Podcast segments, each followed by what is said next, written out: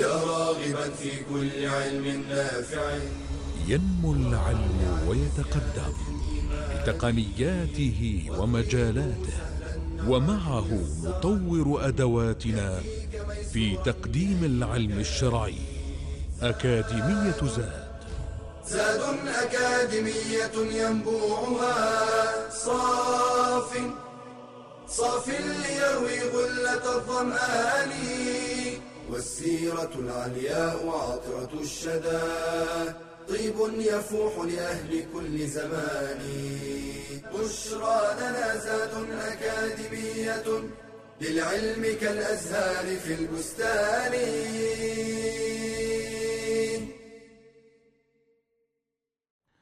إن الحمد لله نحمده ونستعينه ونستغفره ونستهديه ونعوذ بالله من شرور أنفسنا وسيئات أعمالنا.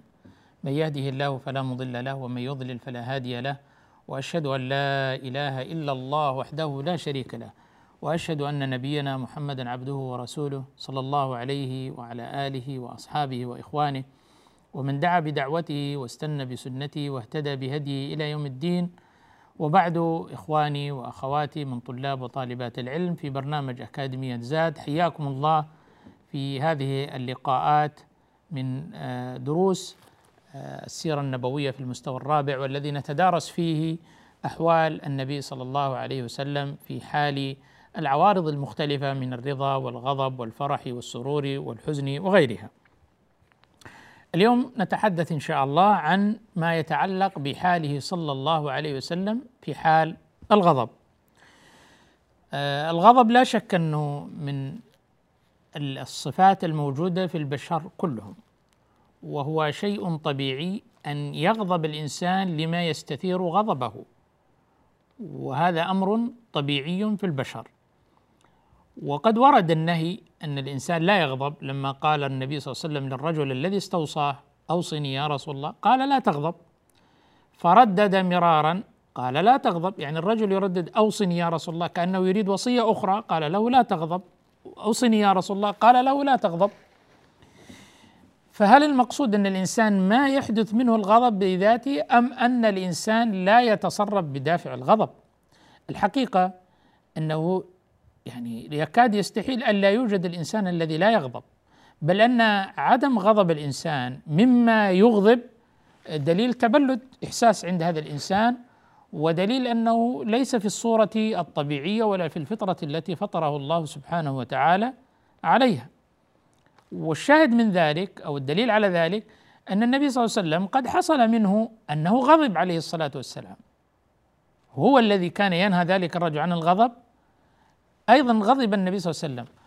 المقصود أن الإنسان لا يتصرف بدافع الغضب فيتكلم بدافع الغضب أو يفعل ويعمل بدافع الغضب وخاصة إذا كان هذا الغضب لغير الله أو غضبا للنفس.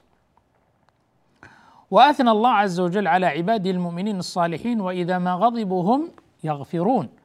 اذا هو لم ينفي عنهم الغضب ولم يذمهم لحصول الغضب منهم وإنما مدحهم وأثنى عليهم لما حصل منهم هذا الغضب الذي هو أمر طبيعي في النفس البشرية. قال وإذا ما غضبوا هم يغفرون يعني يسامحون ويعفون. في حق من أخطأ عليهم ولا شك أن الغضب من يعني من الصفات التي يمكن أن تمدح في وقتها وفي الصفة وفي السبب الدافع. يمدح الغضب إذا كان لله عز وجل. ويمدح الغضب في موطنه المطلوب. غيرة لله وغيرة لرسوله وغيرة على شريعة الله وغيرة للإسلام. ودفاعا عن الحق. هذا مما يحمد عليه الإنسان. النبي صلى الله عليه وسلم كان يغضب حتى يحمر وجهه. الغضب أمر نفسي داخلي لكن تظهر علامات هذا الغضب ومؤشراته في وجه الإنسان من تغير الوجه احمرار الوجه تغير العينين جحوظ العينين احمرار العينين. ربما بعضهم يصل به الغضب إلى شدة الانتفاضة في الجسد فالنبي صلى الله عليه وسلم كان يغضب حتى يحمر وجهه لكن هذا الغضب لم يكن من أجل الدنيا الفانية ولم يكن لذاته صلى الله عليه وسلم وإنما كان يغضب لله عز وجل وغيرة لله عز وجل. قالت أم المؤمنين عائشة رضي الله عنها وما انتقم رسول الله صلى الله عليه وسلم لنفسه يعني واحد سبه فسبه واحد ضرب فضربه واحد أخذ فأخذ ماله. يعني انتقام من الشخص لذاته أو لنفسه صلى الله عليه وسلم. قالت ما انتقم رسول الله صلى الله عليه وسلم لنفسه إلا أن تنتهك حرمة فينتقم لله بها. أخرجه البخاري ومسلم. انتهاك حرمات الله هذا الذي يغضب النبي صلى الله عليه وسلم. هذا الذي يستثير حفيظته. هذا الذي يكون سببا لإيقاع العقوبة على الشخص الآخر ان يكون غضبا لله سبحانه وتعالى. من ذلك من المواقف التي غضب فيها النبي صلى الله عليه وسلم ما رواه أبو مسعود رضي الله عنه قال أتى رجل النبي صلى الله عليه وسلم فقال يا رسول الله إني لا أتأخر عن صلاة الغداة صلاة الفجر. يخبر الرجل عن نفسه أنه يتأخر عن الإتيان للمسجد لإدراك صلاة الفجر إني لا أتأخر عن صلاة الغداة من أجل فلان مما يطيل بنا. فلان هذا هو الإمام الراتب في المسجد. فهذا الرجل يتأخر عن الصلاة في الف... صلاة الفجر لما يطيل فلان حتى يدركه لأنه يجهد ربما ما يستطيع أن يصلي خلفه في هذه الصلاة الطويلة. إني لا أتأخر عن صلاة الغداة من أجل فلان مما يطيل بنا. السبب هو إطالة الصلاة. قال أبو مسعود فما رأيت النبي صلى الله عليه وسلم قط أشد غضبا في موعظة منه يومئذ يعني وعظ موعظة بليغة مؤثرة وكان غاضبا شديد الغضب وما رأوه غضب في موعظة من المواعظ مثل ما غضب في هذه الموعظة. فقال يا أيها الناس إن منكم منفرين. إن منكم منفرين. لم يصرح باسم فلان ولا فلان. وهذا من عادته صلى الله عليه وسلم في التوجيه. التوجيه غير المباشر. ما بال فلان ما بال أقوام وهكذا. وهذا أدعى للمحافظة على الآخرين وتصحيح الفعل وخصوصا إذا لم يكن متكررا وأدعى للقبول. أيها الناس إن منكم منفرين. منفرين يعني عن الدين منفرين عن الخير منفرين عن الحق عن قبول. تنفر النفوس. النفوس ليست سواء. النفوس ليست سواء في قبول الحق وامتثاله والأخذ بالعزائم و... لا. الناس يختلفون. ولذلك كان منهجه صلى الله عليه وسلم في دعوته وتوجيه أمته من بعده حملة الرسالة. قال بشروا ولا تنفروا. ويسروا ولا تعسروا. وتطاوعا ولا تختلفا كل هذا من أجل تحبيب الناس في دين الله عز وجل وتقريبهم إلى الدين الذي عليه مدار نجاتهم في الدنيا والآخرة. أيها الناس إن منكم منفرين فأيكم صلى بالناس أي واحد منكم يصلي بالناس إمام فليتجوز. إيش معنى فليتجوز؟ معناها لا يطيل في الصلاة. يصلي صلاة خفيفة. طبعا صلاة خفيفة ليست كما يصنعه بعض الناس. ينقرها نقر الديك ويسرع فيها. فلا يخشع ولا يخضع ولا يذكر ولا يتأمل ولا يستبصر فيما يقرأ. لا. فليتجوز. تكون صلاة خفيفة وأيضا صلاة في كامل الخشوع والخضوع لله سبحانه وتعالى. فأيكم صلى بالناس فليتجوز. وبين المبرر في هذا التوجيه والحكمة. قال فإن منهم المريض والكبير وذا الحاجة. المريض الذي يعجز عن القيام ويعجز عن طول القيام وأيضا الكبير في سنه ذاك أثر عليه مرضه وهذا أثر عليه سنه فلم وضعف عظمه فلم يعد يطيق هذه الصلاة الطويلة. وذا الحاجة يعني ربما يكون إنسان صحيح ربما يكون إنسان شاب قوي لكن وراه حاجة أخرى هو يريد أن يسعى لها عمل وظيفة طلب رزق. فليتجوز يخفف فإن فيهم المريض والكبير وذا الحاجة. فهذا من المواقف التي غضب فيها النبي صلى الله عليه وسلم ووعظ من أجل الله ومن أجل شريعة الله سبحانه وتعالى. فاصل ونواصل إن شاء الله. بشرى لنا زاد أكاديمية للعلم كالأزهار في البستان.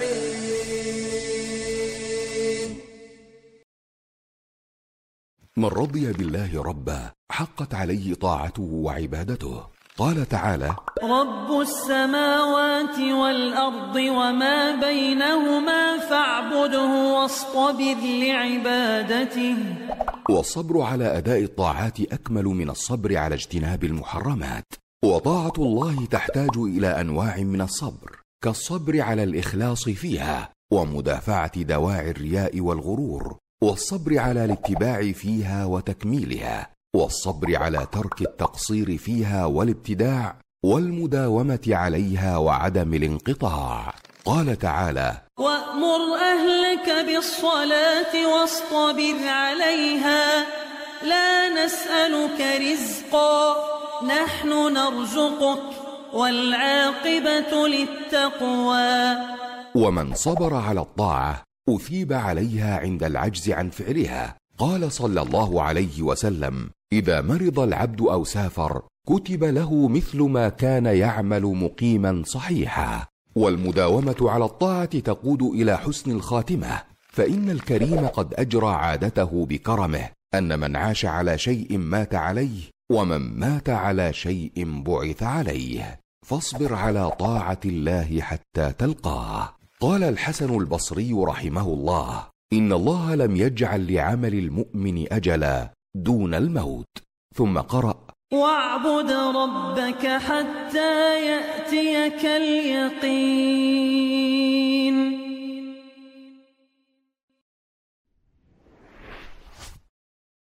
بشرى لنا زاد أكاديمية للعلم كالأزهار في البستان. الحمد لله والصلاة والسلام على رسول الله وعلى آله وصحبه من والاه وبعد. من ال- المواقف التي غضب فيها الرسول صلى الله عليه وسلم حال التنازع في القرآن. حال التنازع في القرآن. فعن عبد الله بن عمرو رضي الله عنهما قال هجرت يعني جئت في وقت الهاجرة آه، وهو نصف النهار إلى رسول الله صلى الله عليه وسلم يوما. قال فسمع أصوات رجلين اختلفا في آية. النبي صلى الله عليه وسلم سمع صوت رجلين اختلفا في آية. كل يقول فيها برأي. فخرج علينا رسول الله صلى الله عليه وسلم يعرف في وجهه الغضب غضب من هذا الموقف وهو الاختلاف في القرآن العظيم. فقال إنما هلك من كان قبلكم باختلافهم في الكتاب أخرجه مسلم. كان مصدر هذا الاختلاف وهذا الهلاك هو الاختلاف في كتابهم. الواجب على المسلم الواجب على المسلم تجاه هذا القرآن أولا هو التصديق بالقرآن بكل حروفه. أن هذا القرآن هو من عند الله تعالى. ثم التسليم لما في هذا القرآن. بما جاء بهذا القرآن. ثالثا أن يعلم الإنسان أن هذا القرآن الذي فيه النجاة والهداية قال هو الذي أنزل عليك الكتاب منه آيات محكمات هن أم الكتاب. محكمة واضحة مبينة. هن أم الكتاب معظم الكتاب أصل الكتاب. وأخرى متشابهات أخرى كأنها شيء قليل متشابه. وهذا المتشابه نسبي. قد يكون مشتبها عند فلان لكنه مو مشتبه عند آخر. من العلماء. وبيانه بسؤال أهل الذكر والعلم الراسخين في العلم. وأخرى متشابهات. فأما الذين في قلوبهم زيغ المرض مرض الزيغ والانحراف فيتبعون ما تشابه منه ابتغاء الفتنة وابتغاء تأويله. والراسخون في العلم يقولون آمنا به. سبحان الله يعني موقفين متباينين مختلفين تماما. أهل الأهواء والانحراف والزيغ يتبعون المتشابه. والقصد ابتغاء الفتنة وابتغاء تأويله.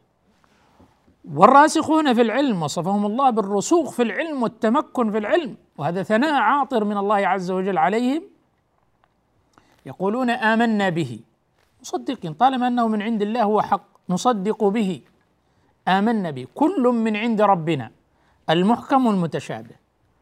ويؤمنون به وأنه لا تعارض ولا اختلاف في كلام الله عز وجل ولو كان من عند غير الله لوجدوا فيه اختلافا كثيرا. ولا بد من الرد رد المتشابه إلى المحكم. وسؤال أهل الذكر فاسألوا أهل الذكر إن كنتم لا تعلمون. فهذه من المواطن التي غضب فيها النبي صلى الله عليه وسلم لما رآهم يختلفوا في الكتاب وأن هذا كان مورد شر مؤثر على الأمة وأنه سبب لفرقتها بسبب اختلافها في كتابها كما حصل في الأمم الأخرى.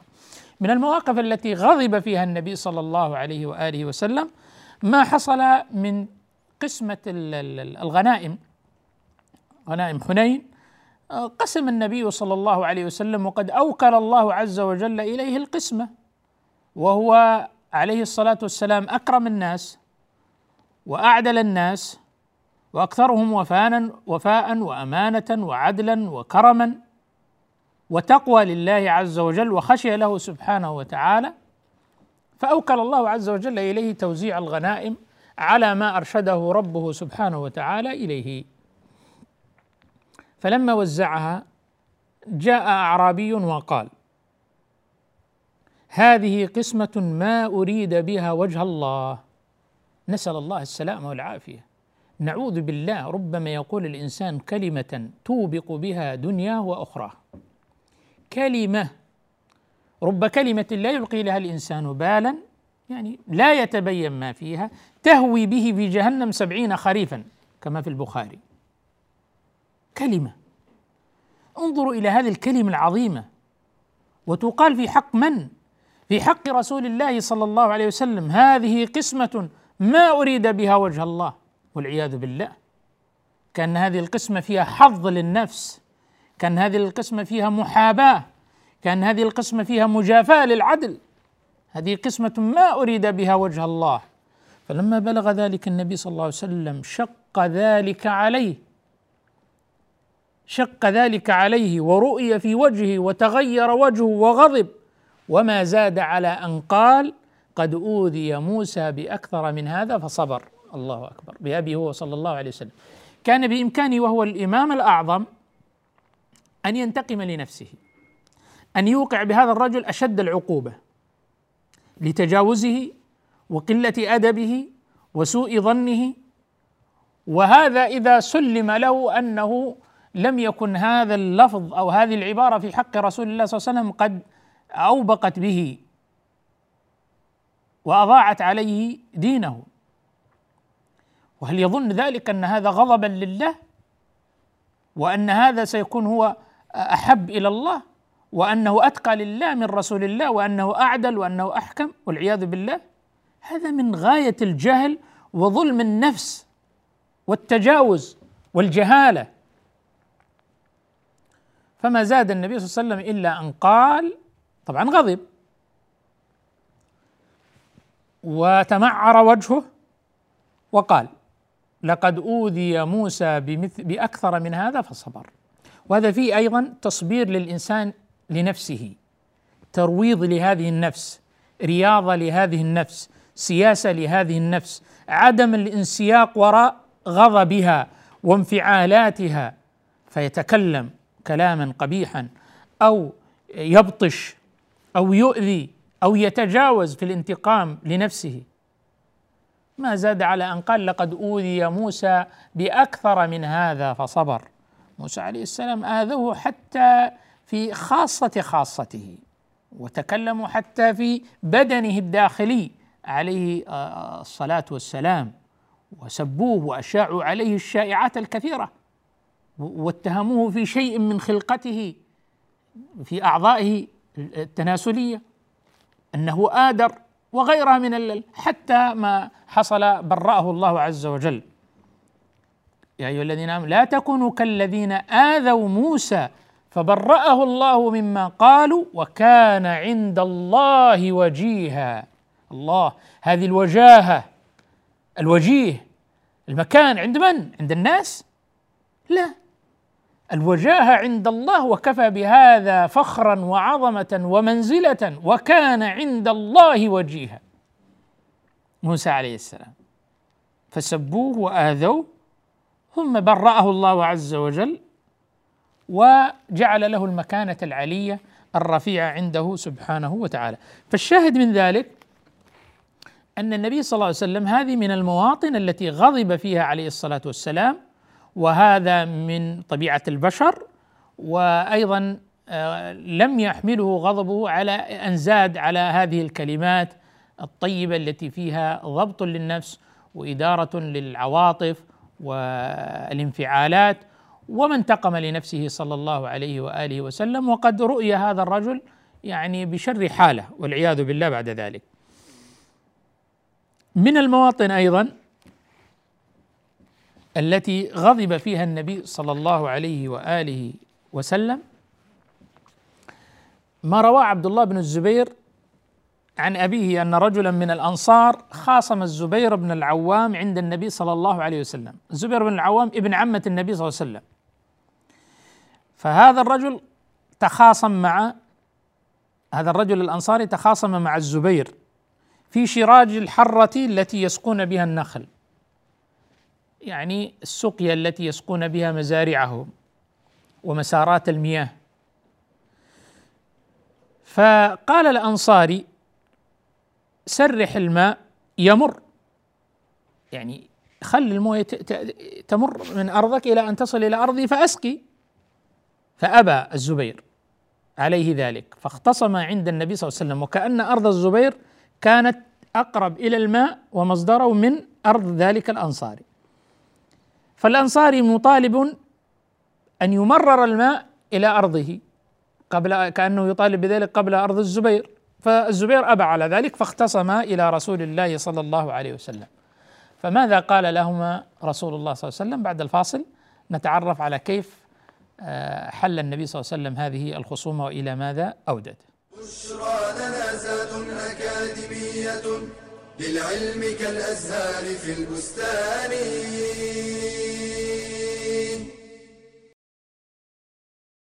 هل مررت بحديقة أزهار؟ هل تأملت في خلقة الإنسان؟ هل اندهشت من اختلاف أشكال الحيوانات والطيور وألوانها وأحجامها وهيئات أعضائها؟ إنه صنع الله المصور. قال تعالى خلق السماوات والأرض بالحق وصوركم فأحسن صوركم وإليه المصير.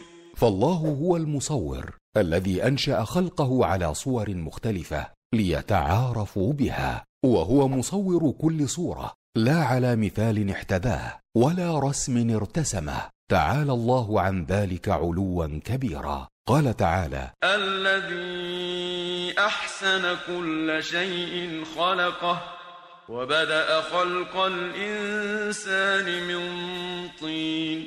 والله تعالى هو الخالق البارئ المصور. فالخالق هو المقدر قبل الإيجاد والبارئ الموجد من العدم على ما مضى من تقدير والمصور المشكل لكل موجود على الصورة التي أوجده عليها. فمن آمن بأن الله هو المصور عبده وحده لا شريك له إذ لا يقدر على هذا الخلق البديع إلا الله. فهو الذي إذا أراد شيئا قال له كن فيكون على الصفة التي يريد والصورة التي يختار. قال تعالى يا أيها الإنسان ما غرك بربك الكريم الذي خلقك فسواك فعدلك في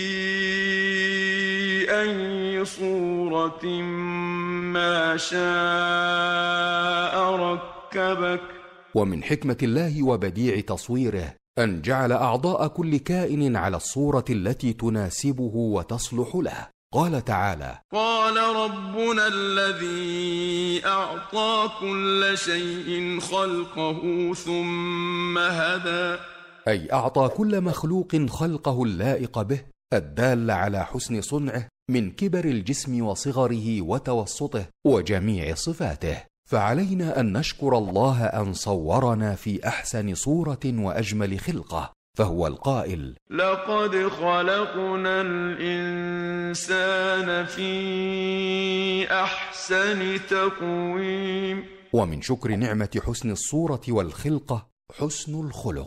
فقد كان من دعاء النبي صلى الله عليه وسلم اللهم كما أحسنت خلقي فأحسن خلقي. بشرى لنا زاد أكاديمية للعلم كالأزهار في البستان. الحمد لله والصلاة والسلام على رسول الله وعلى آله وصحبه ومن والاه. أما بعد فمن المواطن التي غضب فيها النبي صلى الله عليه وآله وسلم ما حصل بين ابن عمته الزبير بن العوام رضي الله عنه ومن العشر المبشرين بالجنة وذلك الأنصاري الذي كان يجاوره في أرضه الزراعية. كانت لهم مزارع وكانت لهم أراضٍ زراعية متجاورة. فكان الماء مساره يمر بأرض الزبير إلى أرض ذلك الأنصاري. فطالب الأنصاري من الزبير أن يترك الماء ليسقي الأنصاري. يعني كأنه يريد أن يأخذ حقه أولا قبل الزبير وإن كان الزبير أولى بذلك الحق له. أن أرضه أقرب إلى مصب الماء أو منبع الماء أو مجرى الماء. فاختصم إلى رسول الله صلى الله عليه وآله وسلم. فقال النبي صلى الله عليه وسلم لينهي هذه الخصومة أسقي يا زبير ثم أرسل الماء إلى جارك.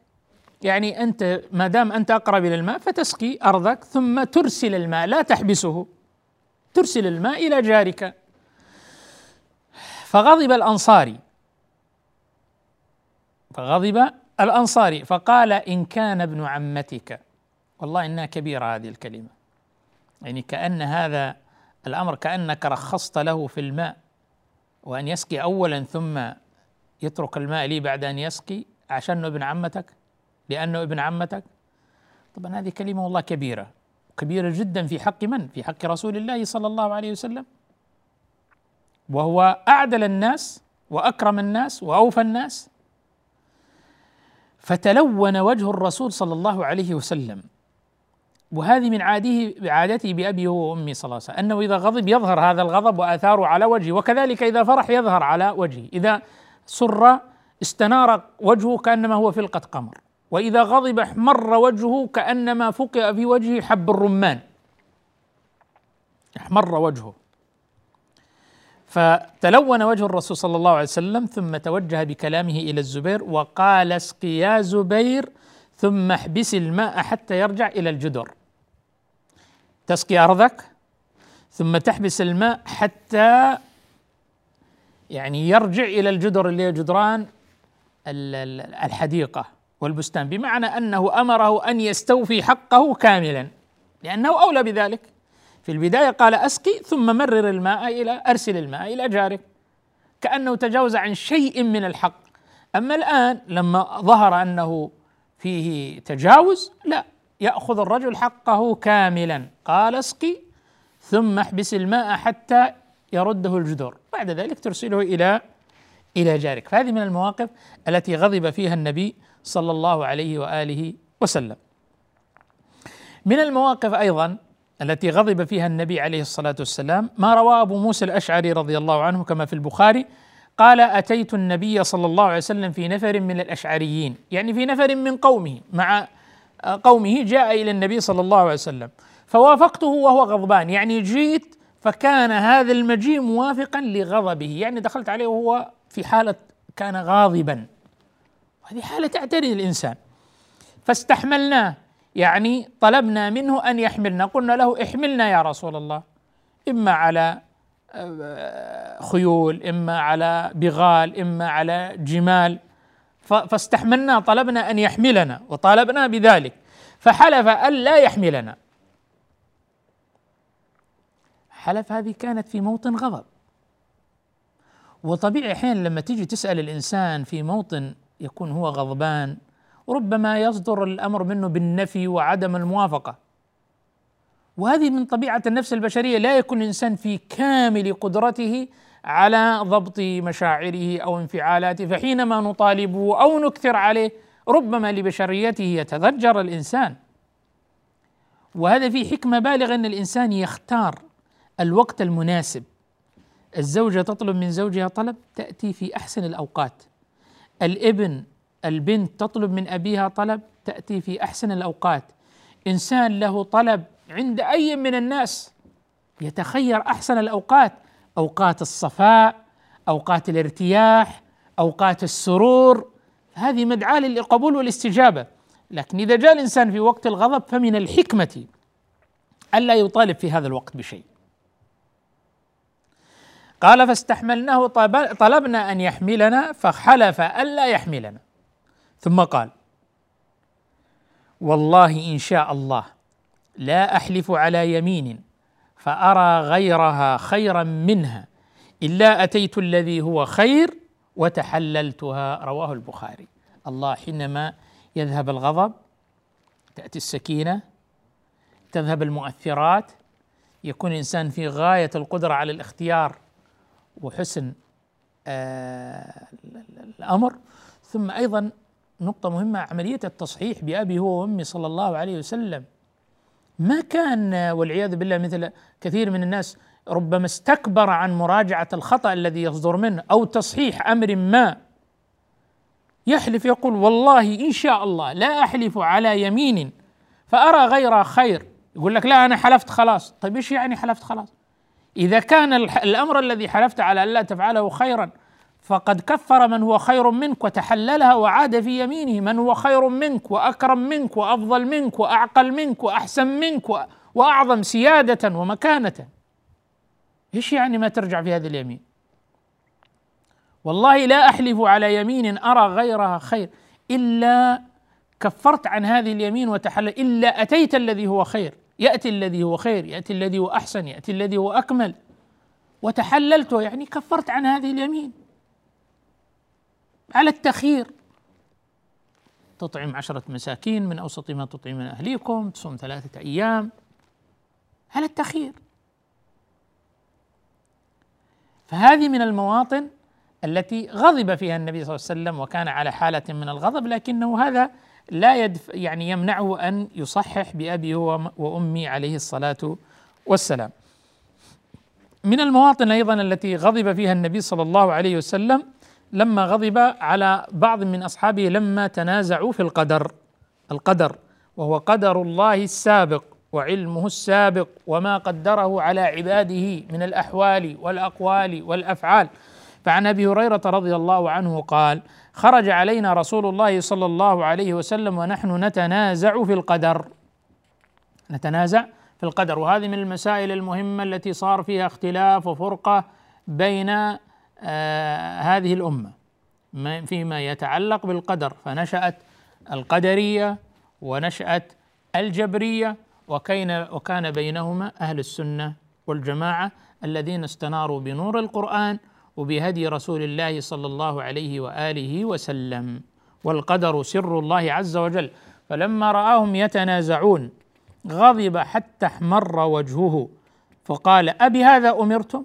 يعني غضب من موقف يعني مخالف لمعتقد أهل السنة والجماعة مخالف لما يعني أراد الله سبحانه وتعالى من عباده في كتابه الكريم مخالف لما جاء به رسول الله صلى الله عليه وسلم في سنته. أبي هذا أمرتم؟ هل الله أمركم بهذا أن تتنازعوا في القدر؟ أم بهذا أرسلت إليكم؟ هذه رسالتي هذه دعوتي التي جئت بها إليكم. ألهذا خلقتم؟ الله سبحانه وتعالى خلقكم. من أجل هذا التنازع في قدر الله سبحانه وتعالى هذه أسئلة استفهامية. كل ذلك يراد منها نوع من التقريع والتوبيخ وإعادة الرشد لهذا الإنسان وبيان ما هو عليه من الخطأ. ثم قال تضربون القرآن بعضه ببعض إنما هلك من كان قبلكم حين تنازعوا في هذا الأمر. عزمت عليكم ألا تتنازعوا فيه. أخرجه الترمذي وابن ماجه وحسنه الألباني. اذا هذه من المواطن. التي غضب فيها النبي صلى الله عليه وسلم حينما يتعلق بأمر عقائدي بأمر في العقيدة بأمر لم يؤمر به الإنسان بأمر لم يرسل به رسول الله صلى الله عليه وسلم. ما الذي يحمله على أن يتنازعوا في هذا الأمر مما أمر الله سبحانه وتعالى به؟ وهو ركن من أركان الإيمان وأن تؤمن بالقدر خيره وشره. فلما كان بعض الناس لم يأتمروا بأمر رسول الله صلى الله عليه وسلم وينتهوا عما نهاهم عنه وخاضوا في هذا البحر الخضم وهو موضوع القدر. هذا أمر قدره الله سبحانه وتعالى. علمه الله عز وجل في علمه السابق وكتبه قبل أن يكون ثم قدره عز وجل لحكمة بالغة. طيب فوقع الناس في الخوض فولدت فرقتان. فرقة الجبرية وفرقة القدرية التي من يقول الأمر الإنسان مجبور وهو مسير غير مخير ليس له خيار. والأخرى لمن يقول بل الإنسان له مطلق الخيار والله عز وجل لا يعلم ما يكون من الإنسان إلا بعد أن يفعله الإنسان والعياذ بالله. وكان الصواب الذي كان عليه السنة والجماعة وسط في ذلك أن مشيئة الإنسان لا تخرج عن مشيئة الله عز وجل.